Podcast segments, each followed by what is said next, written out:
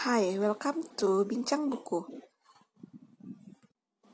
Hai, jadi pada review buku kali ini saya akan mereview bukunya Partikel, salah satu serial Supernova. Uh, ini seri keempat serial Supernova ya. Jadi buku ini adalah salah satu buku yang cukup tebal, uh, yaitu halamannya sekitar 500 halaman, diterbitkan tahun 2012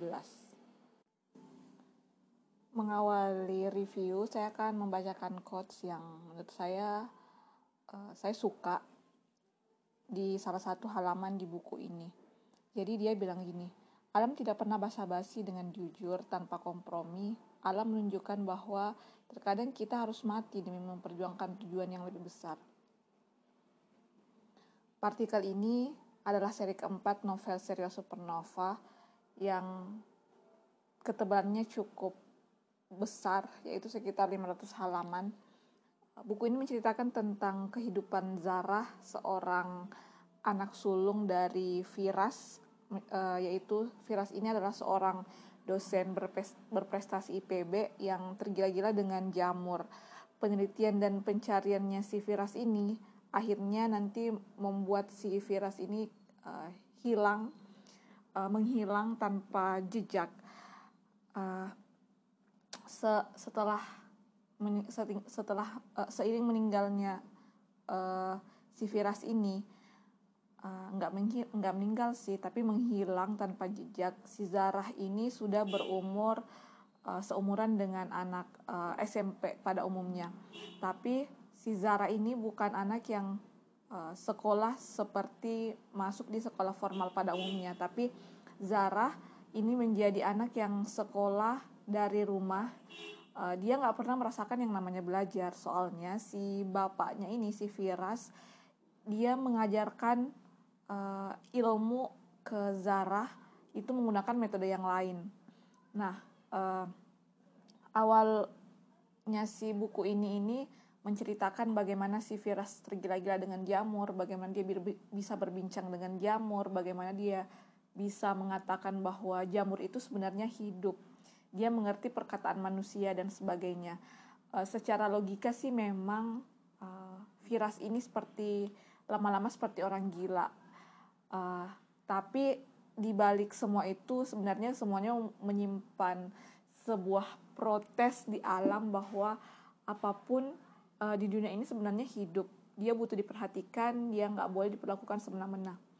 Nah, uh, saya nggak ingin menceritakan seluruh isi buku ini, tapi yang menarik perhatian saya bahwa di buku ini itu dia menceritakan berbagai sisi kehidupan yang pertama mungkin tentang alam bahwa manusia sekarang uh, melakukan eksploitasi. Salah satu eksploitasi yang ser yang diceritakan di buku ini itu tentang orang hutan. Jadi uh, kemudian hutan. Jadi uh, di salah satu segmen di novel ini uh, ada adegan khusus untuk menceritakan bagaimana si orang hutan, bagaimana eksploitasi manusia terhadap hewan-hewan liar dan sebagainya. Kemudian setelah tentang uh, alam tadi, buku ini juga mengkritik banget tentang sistem pendidikan kita, sistem pendidikan di Indonesia yang notabene selalu uh, mengedepankan bahwa setiap hari harus di sekolah. Uh, mulai pagi sampai sore mungkin ya seperti sekarang. Tapi uh, itu me, itu memperpendek uh, apa ya ini me, mengindikasikan bahwa sebenarnya kreativitas seorang anak dan tingkat kekritisan seorang anak uh, bisa saja pudar dengan deren, uh, serentetan kurikulum yang ada sekarang caranya si Firas mengajarkan Zizarah itu tidak bisa dilakukan oleh semua orang, itu butuh keahlian khusus, tapi memang benar bahwa ketika ingin mengajarkan anak eh, mengajarkan anak tapi si anak itu nggak merasa belajar itu memang sangat sulit. Dan dibutuhkan pengajar yang ahli, dibutuhkan pengajar yang yang hampir seimbang antara jumlah siswa dan jumlah anak.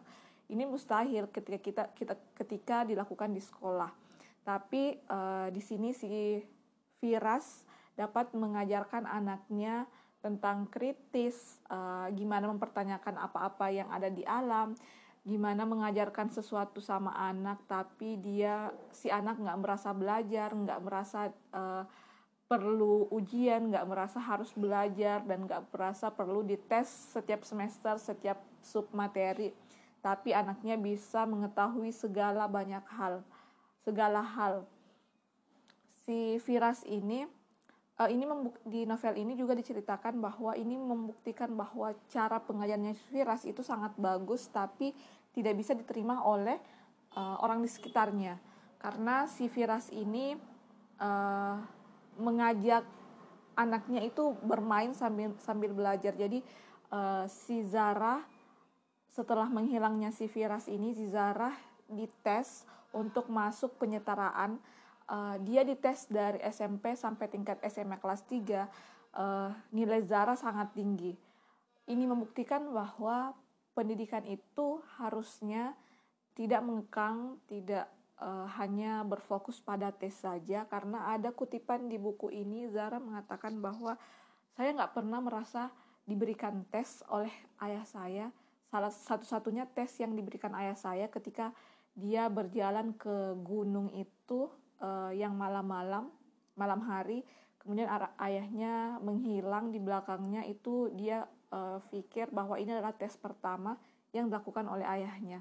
Selebihnya dia uh, mengatakan dia nggak sedang belajar tapi sedang bermain dengan ayahnya. Nah sebenarnya ketika konsep pendidikan seperti ini diterapkan maka uh, output dari pendidikan itu juga akan terlihat sebenarnya walaupun kalau di Indonesia diterapkan seperti itu rasanya terlalu banyak yang perlu dibenahi.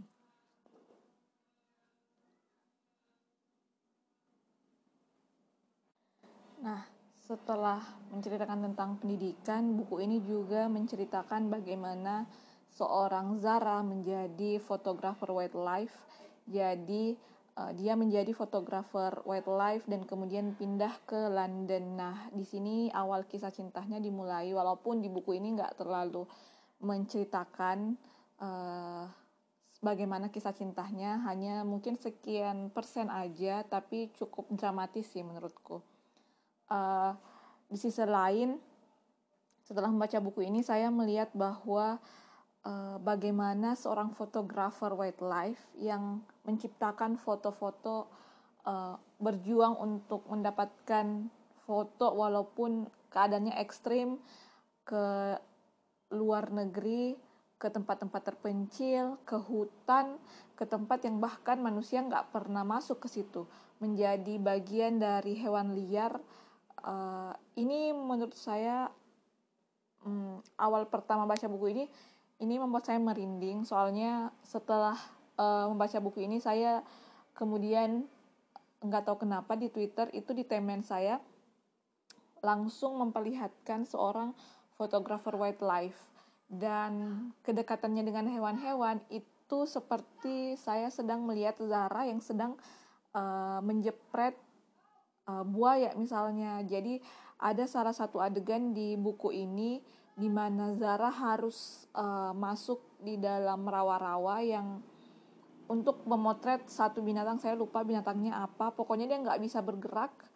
Dia nggak boleh bergerak dan dia nggak boleh uh, melakukan apa-apa. Soalnya kalau dia melakukan apa-apa di, uh, si hewan yang ingin dipotret ini otomatis akan sadar dan kemungkinan bisa membahaya membahayakan si uh, Zara sendiri. Jadi itu yang membuat saya uh, sangat tertarik dengan uh, fotografer wildlife dan walaupun sebenarnya saya memang selalu tertarik dengan dunia fotografi uh, tapi di saya nggak pernah tahu kalau ternyata ada fotografer wildlife yang uh, menjepret hewan-hewan liar di penghujung dunia. Uh, nah, di buku ini memberikan pencerahan bagi saya tentang fotografer jenis ini. Nah, uh, jadi mungkin itu aja review bukunya. Silahkan dibaca bukunya, silahkan dilihat satu persatu halamannya. Kalian-kalian akan menemukan kejutan-kejutan yang membuat saya sangat uh, mengejutkan. jadi secara umum buku ini saya lihat bahwa uh, ini secara umum membahas tiga hal. Yang pertama tentang alam, yang kedua tentang pendidikan, dan yang ketiga tentang fotografi. Uh, ini dirangkum jadi satu, walaupun sebenarnya masih uh, banyak istilah-istilah baru yang saya dapatkan di buku ini sehingga membuat saya harus buka dulu uh, Google untuk mengetahui maksudnya si istilah ini apa. Tapi ini menjadi sebuah ilmu yang saya peroleh dari bukunya di Lestari. Saya selalu jatuh cinta dengan bukunya di Lestari. Kenapa? Karena selalu saja ada ilmu baru yang saya dapatkan. Saya seperti membaca novel, membaca kisah nyata dari novel. Jadi seolah-olah si Zara ini benar-benar hidup. Uh, si orang utan ini memang benar-benar uh, menjadi temannya Zara dan sebagainya. Jadi uh, ini sangat recommended. Uh, mungkin di antara kelima serial ini dulu saya sangat menyukai Gelombang, tapi setelah membaca ini sepertinya buku favorit saya di antara kelima serial ini di luar yang enam ya yang IEP. Uh, ini adalah partikel adalah uh, salah satu buku favorit saya. Jadi mungkin sekian untuk reviewnya. Sampai jumpa di review selanjutnya.